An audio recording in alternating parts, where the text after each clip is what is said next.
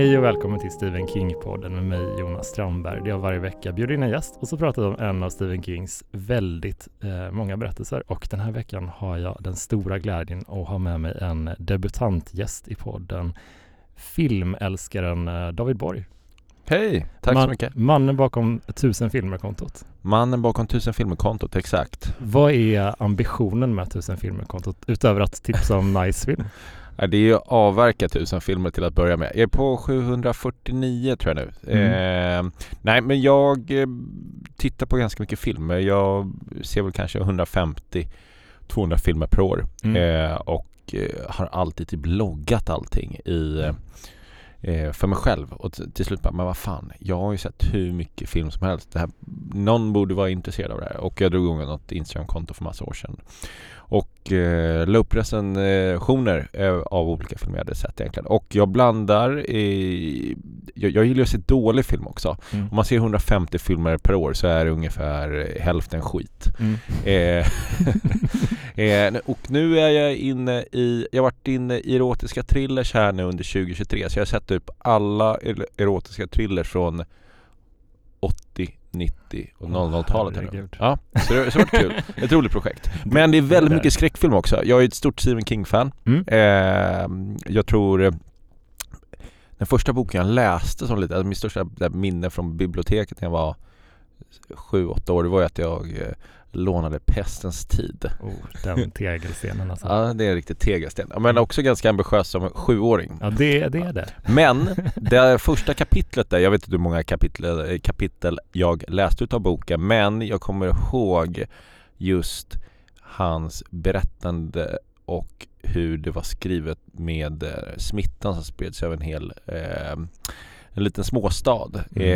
eh, och tyckte det var otroligt fascinerande att man kunde få ner det i text och göra det så målande. Så Ja. efter det så har jag varit ganska hooked eh, på Stephen King och eh, däremellan så har jag eh, läst jättemånga av hans böcker och även sett eh, de flesta filmatiseringar av Alltså det är en sån galen gateway. Ja. Pestens tid. Ja, men den är den är, den är cool. Eh, Tv-serien är ju inte så bra. Nej. Eh, med Gary, inte, eh, Gary Busey är va? Eh, Sin, Sinise, eller hur man Nej, Gary det. Sinise, just det. Gary Busey är det- Han från CSI New Nej, York. Ja, ja, förlåt. Ga- eh, Gary Sinise är det ju. Eh, Nej men det, det intressanta med den boken, jag läste den förra sommaren och eh, det slog mig hur lätt den var att följa. Mm. Trots att det är typ tusen karaktärer spridda över hela Mm. USA och ett sjukdomsförlopp liksom som bara eh, sva, som svallvågor över hela landet. Mm, mm. Den är inte svår att hänga med i. Nej, den är inte så spe- Det är speciell. ganska häftigt ändå, man har lyckats med det tycker jag. Men eh, det problemet har, skulle jag säga, båda filmatiseringarna i viss mån. Att Mm. de är lite svåra att hänga med ibland. Ja, nej, men verkligen, verkligen. Men eh, nej, de, de är väl sådär i många av hans filmatiseringar. Mm. Eh, de, de, eh, böckerna är oftast bättre. Mm. Eh, så är det ju. Och sen finns det såklart undantag. Men då har de ju gått ganska långt ifrån Men har du boken. sett den eh, King on Screen, den nya dokumentären som finns på TV4 Play? Nej, men jag har sett att den finns. Eh, den ligger lite på, på någon lista att avverka här. Den rekommenderas varmt. Alltså, Mm. Jag tycker den är jättefin för han har, han har inte gjort någonting, men eh, ett, nå, nå, någon projektledare har plockat samman jättemånga av regissörerna som har jobbat med hans verk. Frank Darabont, eh, Mike Flanagan, Mick Garris. Ja, men just det. Det är bara alltså, så här, spännande, väldigt olika typer av kreatörer som bara har Ja men som hittar någonting hos King och tolkar det på olika Mm. sätt. Det är väldigt intressant hur man ser hur universella hans berättelser är. Just det. Om, när, baserat på vilka som attraheras av att återtolka dem. Ja men de är ju, alltså, ha- hans berättelser är ju så här, den amerikanska småstaden och den lilla människan Mm. eh, egentligen och som ofta kanske tror eller vill, drömmer om något annat Mm. eh, egentligen och när de ska testa på sina vingar så störtdyker de rakt ner i helvetet oftast. Det- tycker, ja men alltså det är ju tyvärr så. Ja. men det är intressant tycker jag hur, eh, precis som du säger, alltså King berättar ju ofta om eh, den vanliga människan Mm. i mindre orter och sådär. Och det tilltalar ju ganska, ja men det tilltalar allt ifrån hårdrockare, tyckte mycket om honom, kommer jag ihåg när jag Mm. växte upp. Hur Eh, sugen är du på att köpa ett hus i Maine? Ja men ganska sugen Ja. ändå. Jag, jag sa det till min tjej när vi satt och, eller hon kollade lite passat på den och jag bara, kan vi inte, kan vi inte åka dit ett tag och bara se hur det är att leva där lite? Inte så här, kan vi Mm. resa dit, kan vi, kan vi inte bara vara där ett tag? Mm. Men, men det som är fint med hans filmatiseringar det är ju ändå hur de har gestaltat Alltså småstadsidyllen som eh, gör sig bättre eh, i film såklart Mm. Men eh, jag, jag tänker på Storm of the Century Den här miniserien som kom på 90-talet Den är faktiskt väldigt bra Jag tycker mycket om den också. Den, den är supercharmig Jag såg den en vinter, jag och min bror och min pappa. Alltså Oj. mellandagarna, den gick på tre, två eller tre dagar i rad. är, Det var toppen. ja, den, den är verkligen cool eh, Sen är ju Thinner Mm. Den är också väldigt snygg. Lite antisemitisk Mm. i ska tilläggas. Mm. Men den är, den är snygg eh, Mm. som fan. Eh, Carrie är ju där också. Eh, eh, jag skulle kunna eh, rabbla. Eh, många, många här. Men, Men de är eh, estetiskt tydliga, eh, från filmer ofta. Alltså de har en tydlig identitet. Mm. Och det, jag kände mig lite som en douchebag på ett sätt när jag frågade dig, eh, David, ska vi kolla på den här filmen? och, och prata lite om den. ja. Eh, Djurkyrkogården 2. Ja. Mm. det, direkt så reagerar man ju på att titeln är utskriven eh, i, i bokstäver. Two. Mm. Eh, det är någonting med det som gör att det, det kliar lite i mig. Det, det, det stör. Att det, inte är, att det inte är en siffra. det är väl en siffra? Det är en siffra. På min DVD i alla fall så är det bokstäver. Nej, men eh, så här, den filmen kom 92, tre år efter den eh, originalfilmen som jag är lite intresserad av vad som, hur den uppfattades när den kom originalet. För att Mm. jag minns att för mig när jag såg den eh, så var jag, tyckte jag jättemycket om den. Jag var ch- chockad och eh, precis lagom rädd för Mm. den och tittade bort vid många scener och sådär. Och sen så vet man att boken är ju väldigt omtyckt. Så Mm. de två ihop har, har, har gett mig intrycket att filmen var ganska omtyckt. Men jag har hört lite delade meningar om det. Att den inte var så jättehyllad när den kom. Nej, men den har blivit en lite kultfilm efteråt. Det, det ska tilläggas, Ramones gjorde ju en låt i filmen också. Mm, mm. Alltså den har ju en fet budget, Mm. eh, första filmen. Mm. Eh, deras låt med samma namn. Eh, som är otroligt bra, en av Ramones bästa låtar och också en av deras största hits. Den är bra på riktigt. Eh, filmen eh, fick ju blandad kritik. Eh, skräckfilm på 80-talet får man också komma ihåg var ju eh, liten, eh, hade en dipp. Det, det var få bra skräckfilmer som kom där på slutet på 80-talet. Den är från 87 eh, tror jag att den är, 88. Ja, kanske. Sent 80-tal i alla Ja, exakt. Den är, mm, kan vara, eh, kan vara 88 tror jag faktiskt den är ifrån.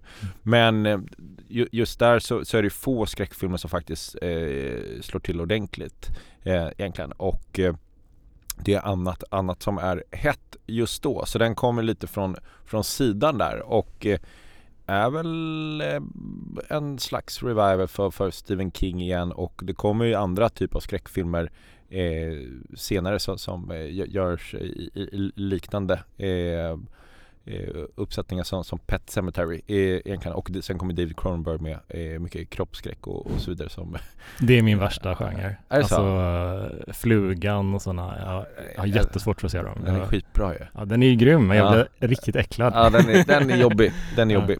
Eh, men eh, den, blandad kritik fick den som sagt. Eh, men idag en kultfilm. Jag personligen tycker att den är skitläskig, eh, den filmen. Eh, speciellt hon med ben, benmärgsinflammation, eh, systern, eh, som är egentligen bara en tillbakablick och en dröm om varför han har, eh, varför mamman har en konstig relation till sjukdomar. Va? Ja, just det. Ja. Och pappan, läkaren, han, han tycker att det är normalt att prata om döden med, med barnen och det tycker hon inte att man ska göra. De är Exakt. båda i varsin ända av det där Just det. extrema Just det. spektrat. Och, och då berättar, han om, äh, berättar hon om sin syster Stella Mm.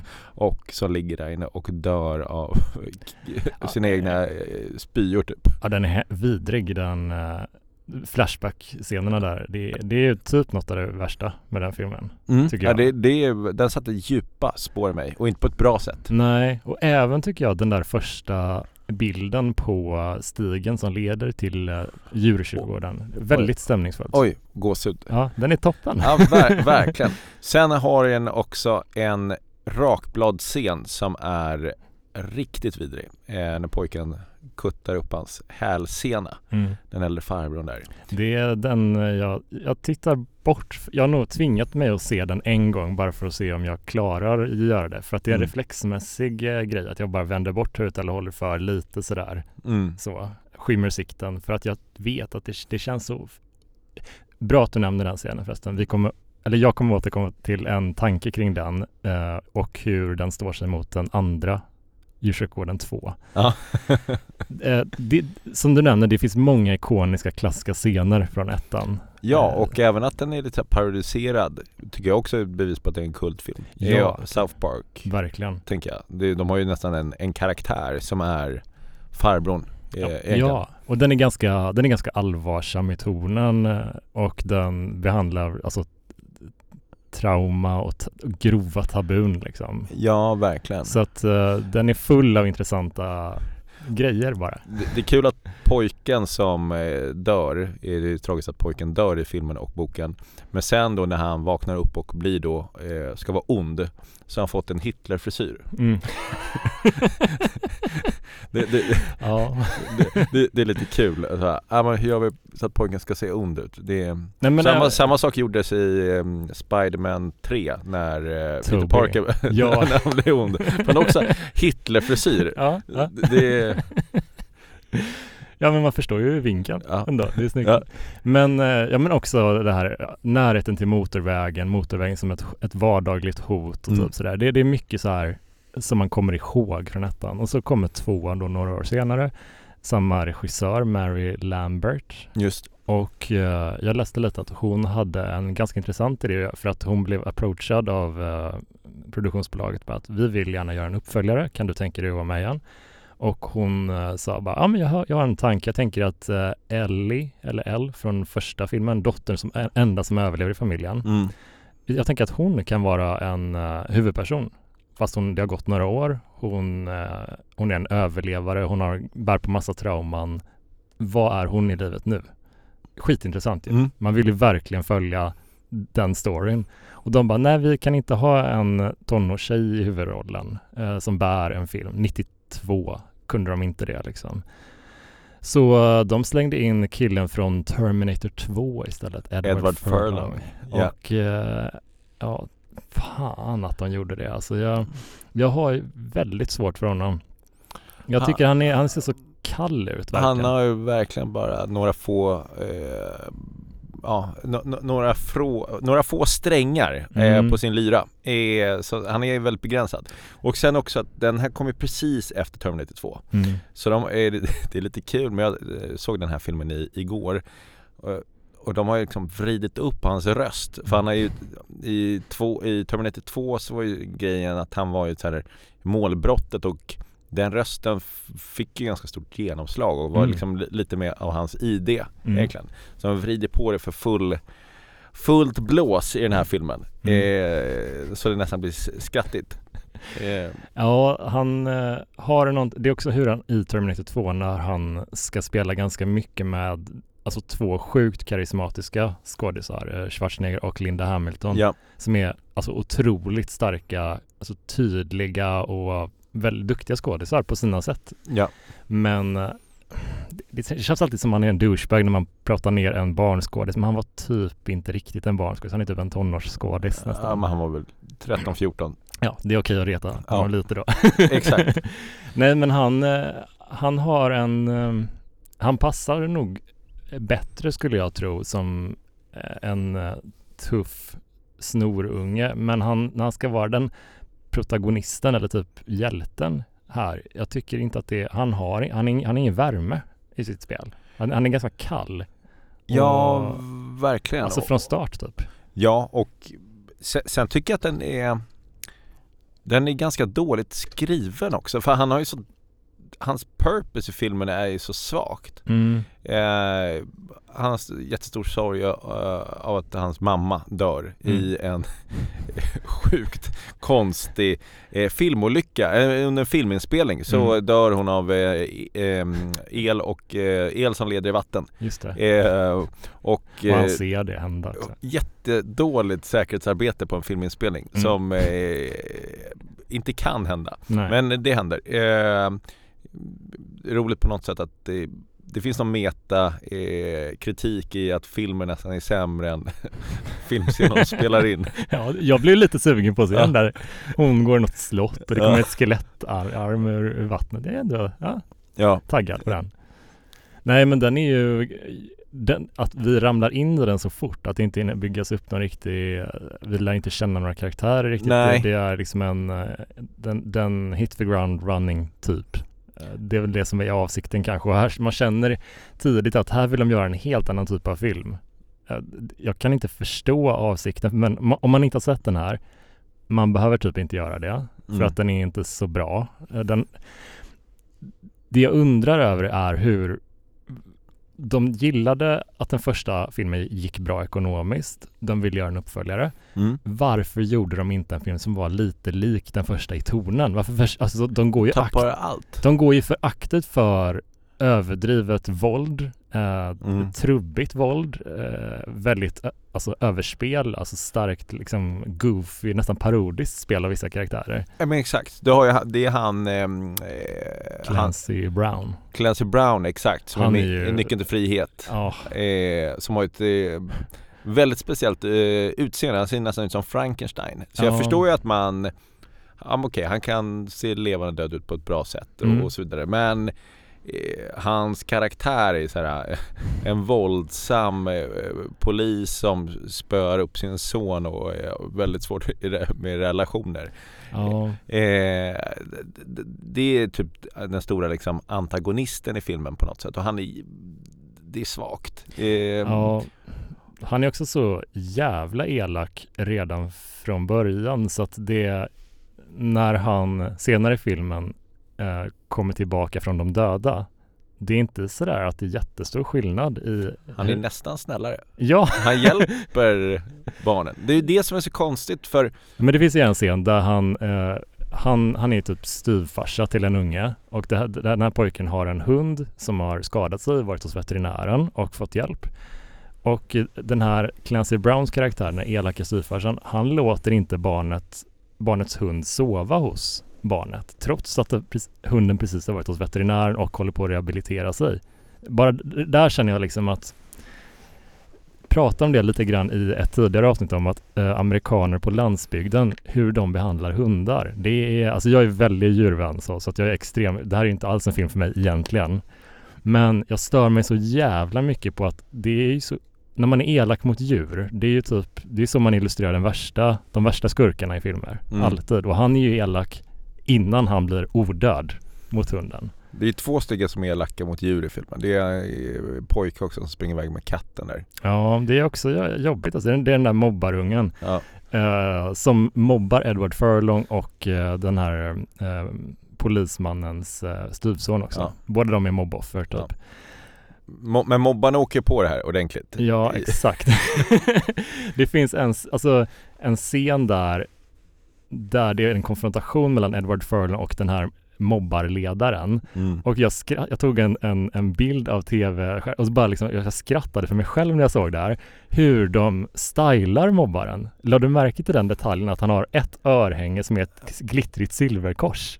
Ja, ja det är lite stass, eller Ja. sådär. Det är jätte, alltså han är Rob Lowe i St. Elmo's Fire. typ. Ja, ja, men det var så man dressade upp mobbar. Alltså i, i, i amerikanska filmer. Det, det, ja men han ser ut, det är lite såhär Wham, lite Ja, Duran Duran. Det är ju super, han är ju som en, en jättegullis. typ. Ja men de ska se ut som någon, slags glitterpunkare. Ja. I, det, det var väldigt vanligt i eh, sådana typer av filmer. Ja, men jag tänkte, det enda jag kunde tänka på var liksom att gud vad lätt det hade varit att bara ge igen på honom. Alltså det där, alltså ha ett sånt glittrigt tydligt örhänge, det är, alltså om han håller på att kaxa sig och spöa upp ungar liksom. Vad menar du? Men, Ja, ty, bara- Tycker du man ska mobba att de ser... Menar du... Jag vet inte. Menar du Inte, inte för att han har, men det, det, Ja, Ja. nej men okej, Ja. ja. men jag, jag köper det. Jag köper det delvis. Eh, men den är... Den går ifrån, vad heter det, vi pratade lite om det, den går ifrån liksom spelreglerna och vad djurkyrkogården är och ska vara för någonting. För Ja. om man begra- begraver någon död, vad är det han säger i ettan? Eh, att det kommer tillbaka annorlunda typ. Ja men exakt, han säger det så bra. Ja. Eh, eh, eh, eh, strunt samma. Eh, det, I alla fall då så är det så att man- man begraver någon som har dött, någon som man, man tyckte om och eh, så kommer den tillbaka. Men den kommer aldrig tillbaka som den var innan Mm. egentligen. Och eh, med det sagt så ska ju de också vara eh, ondskefulla och drivas av eh, onda, vålnad, eh, onda vålnader eh, egentligen. Men i, i den här filmen så blir det någon slags eh, komik och nästan eh, slapstick-humor eh, när de här kommer tillbaka. Mm. Eh, de är mer oberäkneliga och framstår som fulla. Ja. I, eh, han, han, polischefen då, han kommer tillbaka som ett fyllo nästan Mm. och eh, slabbar i sig mat och eh, skämtar med barnen med, med skratt och eh, Ja, han- skapar en obehaglig stämning som, som om man har haft en alkoholistisk förälder så är- det är mer likt det Mm. än, än att bara, ja, vänta här kommer alltså djävulen in och ska mörda alla i huset. Ja, för han kan ju prata också och är, han, är, han är som en trubbigare version av sig själv bara. Ja, det är inte, Ja men verkligen. alltså, det, är- den är ganska spretig i plotten också så här. Det, det, den är lite, lite svår att följa. Mm. Vilket jag inte upplevde alls att den första var. Den första är ju en väldigt så här, ganska klart berättad Mm. från punkt A till B. Och man förstår, när vi pratade lite om eh, den första filmen och boken i det avsnittet så efterlyste jag lite mer eh, jag blev nyfiken på mytologin kring den här gravplatsen. Vad, Mm. vad är det för plats? Vad, hur har den fungerat historiskt? Alltså det, ja, men den väckte nyfikenhet. Mm. Här kände jag bara att jag ångrar att jag önskade någonting om någonting mer från den här världen. För att den här filmen, om man måste ge den någonting, då är det tycker jag att den har ganska snygga specialeffekter ändå. Mm. De använder budgeten som inte är sådär jättehög, men de använder den ganska bra. Den, eh, alla våldsscener känns ändå ganska sådär trovärdiga, de flesta av dem åtminstone tycker jag. Ja, sen när hon brinner upp i slutet så ska Mm. hon så här, när hon brinner upp där så smälter hon Som ett och, ljus. och sen är det som en så här metallisk röst. Ja, den grejen. Den, bara, den var här? konstig. Men, men problemet är om man ska jämföra hur eh, Djurkyrkogården 2 eh, behandlar våld eller gestaltar våld eh, versus hur ettan gjorde det. Mm. Det finns en scen som jag tror att har man sett någonting från tvåan så är det den här scenen och det är när Clancy Brown, han, han är tillbaka från de döda. Han, eh, scenen är att Edward Furlong ligger på, på gru, i gruset och blir trackad av den här mobbarungen med glitterörhänget som eh, håller ett snurrande cykelhjul och liksom pressar hans ansikte närmare det. Och här bara, det här är ju jättegrovt verkligen. Han kan ju skada sig svinmycket. Men då kommer Clancy Brown tillbaka från de döda och eh, säger åt Edward Furlong att sticka därifrån. Och sen så ger han igen på mobbarungen Ja, exakt. Han trycker ner en crossmotorcykel. i ansiktet. det var inte det jag ville att någon skulle göra. Den är så... Men jag tittade ganska noga på den nu för att det är en sån som har lite parodierats. Att de kollar fan vad sjuk och konstig den här filmen är. Mm. Men den var ganska snyggt filmad tycker jag. Mm.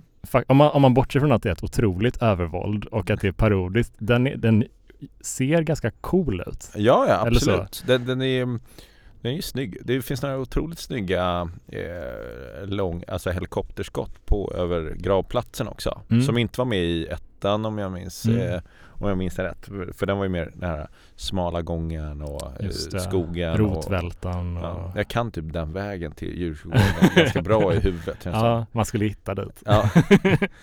Nej men, men det som är intressant med den här våldsscenen med det hjulet i ansiktet på den här mobbaren det är att det är ett så otroligt trubbigt våld som är eh, extremt, alltså på alla sätt och vis. Jämför du med den här, det här rakbladet i hälscenen från första Mm. filmen, det är så pyttelitet. Det är, det är en sån liten, liten grej som bara gör så himla mycket skada. Och så, men man ser, man ser skadan Mm. eh, och det gör så jävla ont. Jag får inte ont en enda gång när jag kollar på motorcykelscenen. Vad skulle det göra ont? Hjärnan Nej. går ju sönder. Alltså Ja. det, det kommer inte kännas någonting. Nej, nej, verkligen inte. Och det, det, det är inte lika eh, elegant som Nej. en rakbladskniv. Och eh, just också att det är en liten pojke som... Ja, alltså men, men jag pratade med Mats Strandberg om det i vårt senaste avsnitt om att eh, de här små grejerna som att få en glasskärva i en fot eller att eh, en, en nagel bryts upp lite, att det Mm. gör ofta ondare än att man får en eh, arm avhuggen Mm. eller sådana grejer. De här små grejerna som man kan känna hur det skulle kännas. Mm. Det, det, det är där det, man måste gå om man vill skapa en effektiv skräckfilm. ja, men verkligen. Eh, Och jag, jag såg, eh, apropå just det, eh, så såg jag någon tidning som hade listat de, de bästa eh, så eh, eh. Fan vad roligt. Ja. Nummer ett var alltså eh, badrumsexperimentet experimentet då, badrumstestet som är i så 1. Det vill säga när de sågar av sin fot. Mm.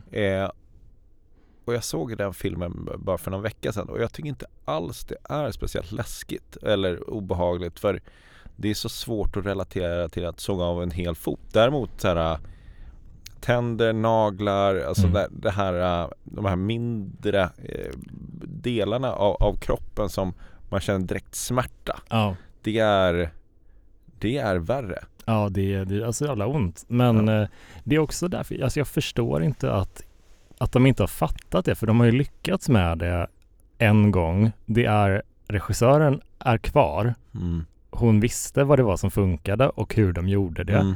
Men ändå, det känns, det osar studio influens här på något sätt. Jag, Mm. jag vet inte vad det är. Har, du- har du, du som är så, alltså superfilmmänniska, liksom, vad, vad tror du det är som har hänt här? Om Ja, men det är, väl klass, eh, det är väl klassisk uppföljare, Me- mer och värre Mm. egentligen. Och då tänker de större och värre. Okej, Mm. vad är Behöver ett större verktyg än en rakbladskniv? Ja, Okej, vi tar in en motorcykel. Mm. Alltså, det, det är väl eh, precis som man gör en uppföljare till en actionfilm så är det större explosioner. Men det är inte det som Dödligt Ja. vapen 1 är ju charmigt med att de springer upp med pistoler. I Dödligt vapen 2 så är det med eh, handgranater. Just Alltså, det, det är man tappar lite skärmen och eh, vad, vad som är intressant alltid. Ja. Är eh, uppföljare till science fiction, mer rymdvarelser, större krig. Mm. Alltså det, är alltid så. Och sen är, Ja, men det känns som att om hon hade en så här, Mary Lambert, att hon hade en, en cool eh, ursprungsidé som sen blev ratad.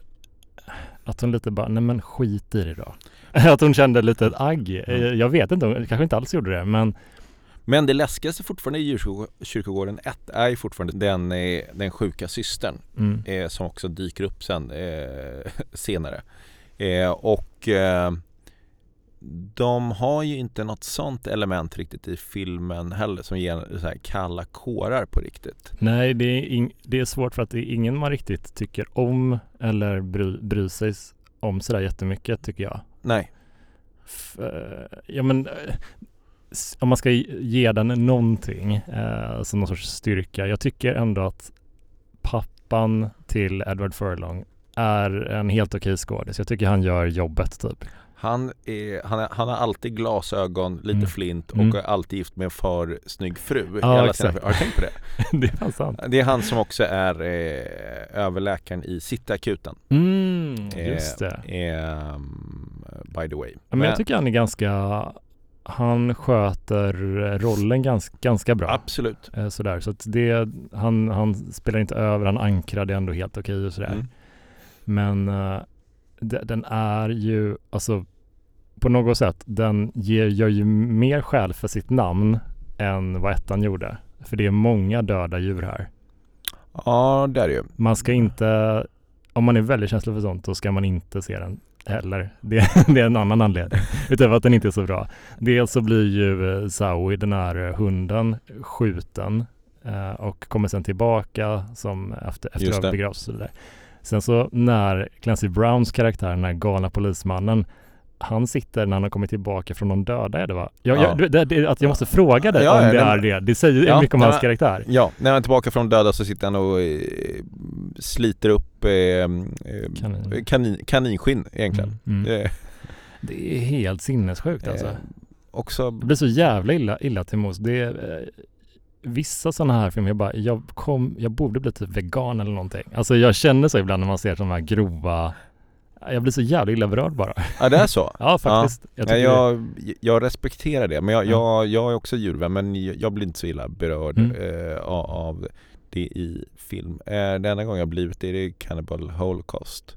Den har inte jag sett. Ja men då är det, eh, ja, men då torterar de med en sköldpadda på riktigt. Nej, så. Jesus, ja, fan. ja men den är, den är grov. Ja. Ja, eh, men den är bra. Det Mm. är, det är bra. Så kan jag rekommendera. Ja, jag fattar. Ja. Men eh, om du så här, måste ändå ge den här filmen någonting så här, alltså som den ändå, för vi, ni som lyssnar, ni hör ju att vi inte är alls förtjusta i den här, men om du måste ge den någon, någon cred till någonting. Nej men den, den är trots allt så är den charmig. Den, har- den har sin charm eh, och det är ett eh, det är i alla fall ett universum eh, som jag eh, tycker är spännande att vara i. Det, det, det, är, det är roligt med eh, ett tema som behandlar eh, sorg eh, på det sättet och vad människor eh, gör med det eh, på något sätt och eh, är beredda att betala ett ganska högt pris för att se sina älskade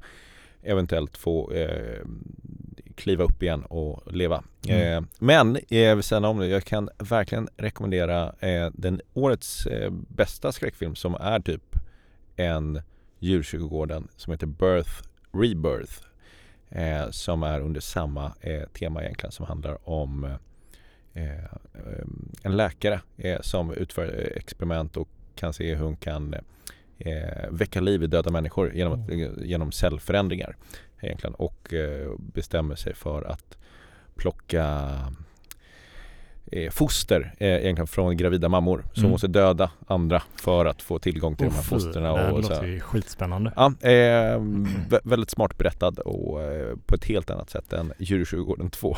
Ja, det, det är en intressant... eh, Ett, så här, jag, jag är stort fan av långa skräckserier. Mm. Jag tycker det är kul och av ett, av ett rent kitsch-perspektiv ofta Mm. så här, fredag den 13, Halloween, uh, Children of the Corn i viss mån.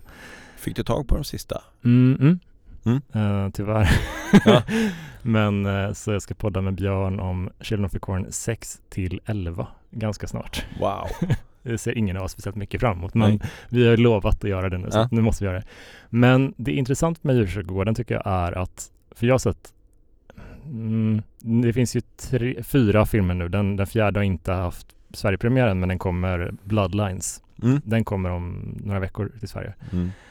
Den verkar av kritiken att döma vara ganska bra. Mm. Folk säger att den verkar, eh, ja men, ta lite nytt till bordet helt enkelt. Den verkar också, också ha, ha den här mörka stämningen kvar på något sätt. Så att traditionellt sett när en skräckserie börjar kollapsa så här tidigt, då är det ofta ett tecken på att det här kommer inte hålla speciellt länge. Nej. Men sen kom ju, jag vet att det råder delade meningar om den, men sen kom det en remake av Djurkyrkogården 2019 som jag tyckte var ganska nice ändå. Jag tycker Mm. den hade, den var ganska lik ettan. Så att man kan ju dra argumentet att ja men då kan du ju lika gärna se originalet. Ja, Mm. absolut, men om vissa är lite känsliga för att se äldre skräckfilmer, de tycker inte att det är, alltså, så att om man då kan få någon att introducera någon till en, en värld och kanske vilja gå tillbaka och kolla originalet, tycker jag är en bra grej. Jag tycker den funkar rätt okej. Mm. Och den har lite nya grejer också. Och sen den här nya, så det, det verkar som att, helt kortfattat som att Pet Sematary 2, Cemetery 2 är det svarta fåret. Ja men det är... Det är den som inte funkar, Ja, typ. Och det, det är lite men det är lite som Fredag den 13. Fredag den 13 2 är inte bra heller. Nej, det är sant alltså. Och de, de andra är ganska kul, de flesta Ja. faktiskt. Min favorit är nog uh, fyran tror jag. Jag tycker den är rolig. Ja, Ja. k- kul. Den med eh, den här eh, den här flickan med psychic powers som ska battla Jason. Jag tror det är den. Jag tror det är fyran. Just det. Jag ska hoppa ner i alla de här igen. Det var Mm. länge sedan jag såg dem så jag ska eh, ta ett varv till. Men då, han är ju så jävla karismatisk Jason också. Jag tycker Ja, han, är, han, är, han är cool. han är han som är en cool. sån eh, han är byggd som en sån redneck, eh, en, en dräng, klassisk dräng och har den här hockeymasken. Jag tycker det är rolig, han har en rolig ja, kroppsbyggnad. Ja, nej men de är, de är bra. Jag gillar Hellraiser-serien. Mm. Nya var dock en stor besvikelse. Nej, fan vad tråkigt. Ja. Men eh, de är, de är bra. Eh, Men vad tror du om, um, ska man säga, framtiden för djurkyrko, djurkyrkogården som serie? Finns det mer att berätta i det? Finns det mer, alltså vad, vad, hur kunde man ha räddat tvåan till exempel? Om vi ska ta avstånd på det. Hur hade man kunnat göra den bättre? ja, men, det- själva tonen, det är väl där den går fel. Mm. eh, egentligen. Så den går ifrån ganska mycket det som ettan är egentligen. Eh, mystiken och eh, det här allvaret egentligen. Eh, så där träffar ju alla fel i, i, min bok Mm. eh, tycker jag. Så, så de, dels det, eh, en bättre casting och kanske inte förlita sig på att Edward Furlong går in och räddar det här. Men man hade väl kanske, att man gjorde väl en bra deal efter Terminator 2, han var på upcoming, Mm. skulle göra grejer. Mm. Hans karriär gick ju inte så jättebra. Han gjorde ju American History X, sen var det Mm. typ över för hans del. Eh, men castingen är, är tonen och sen en helt annan typ av story och kanske ta vid eh, hennes eh, ursprungsidé. Ta vid där eh, den faktiskt eh, slutar, förra filmen. Mm. Eh, sen, jag tycker det ändå är helt okej förutsättningar. Alltså det är några nya som flyttar in i huset att, eh, och kommer nära djurkyrkogården och så vidare. Mm. Ehm, men sen Tyvärr i ettan så dödar man ju farbrorn som gör ganska mycket Mm. eh, Som har bott där länge. Det, det hade varit eh, det, det är bra på något sätt att ha någon som eh, Att det finns någon slags trygghet. Alltså Djurkyrkogården i sig är ju bara en plats eh, Och där i kan man ju hälla in vad som helst egentligen. Vilka typer av djur som ska dö, vilka som kommer dit och så vidare.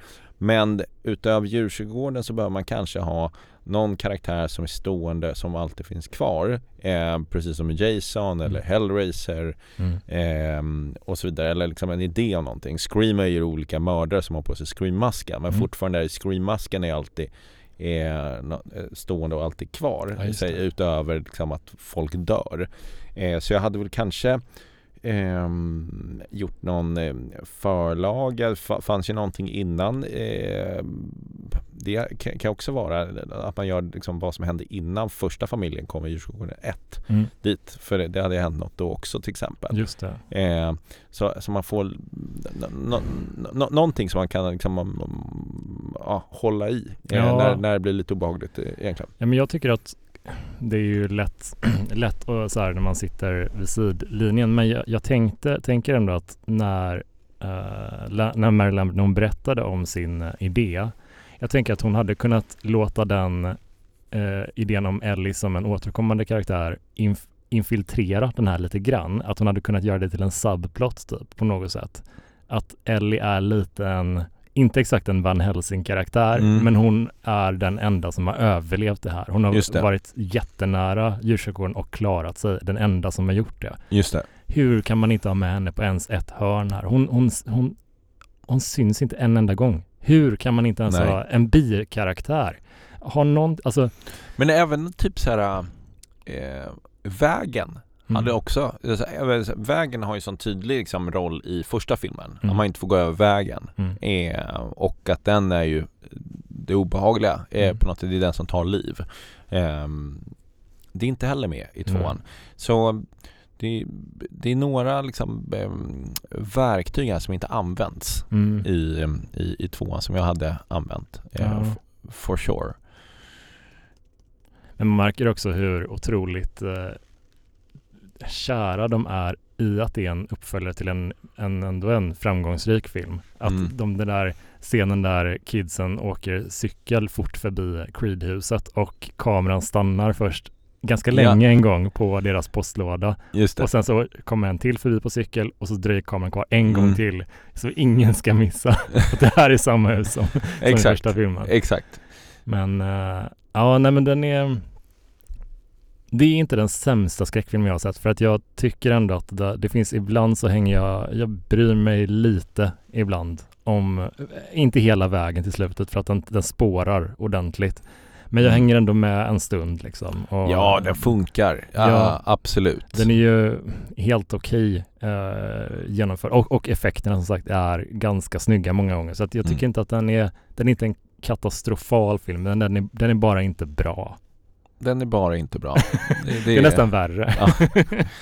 Ja, men det, hade, det, det finns ingen ambition. Nej, Det är, Nej. väl, eh, det är väl det. ska vi säga så? Vi säger så.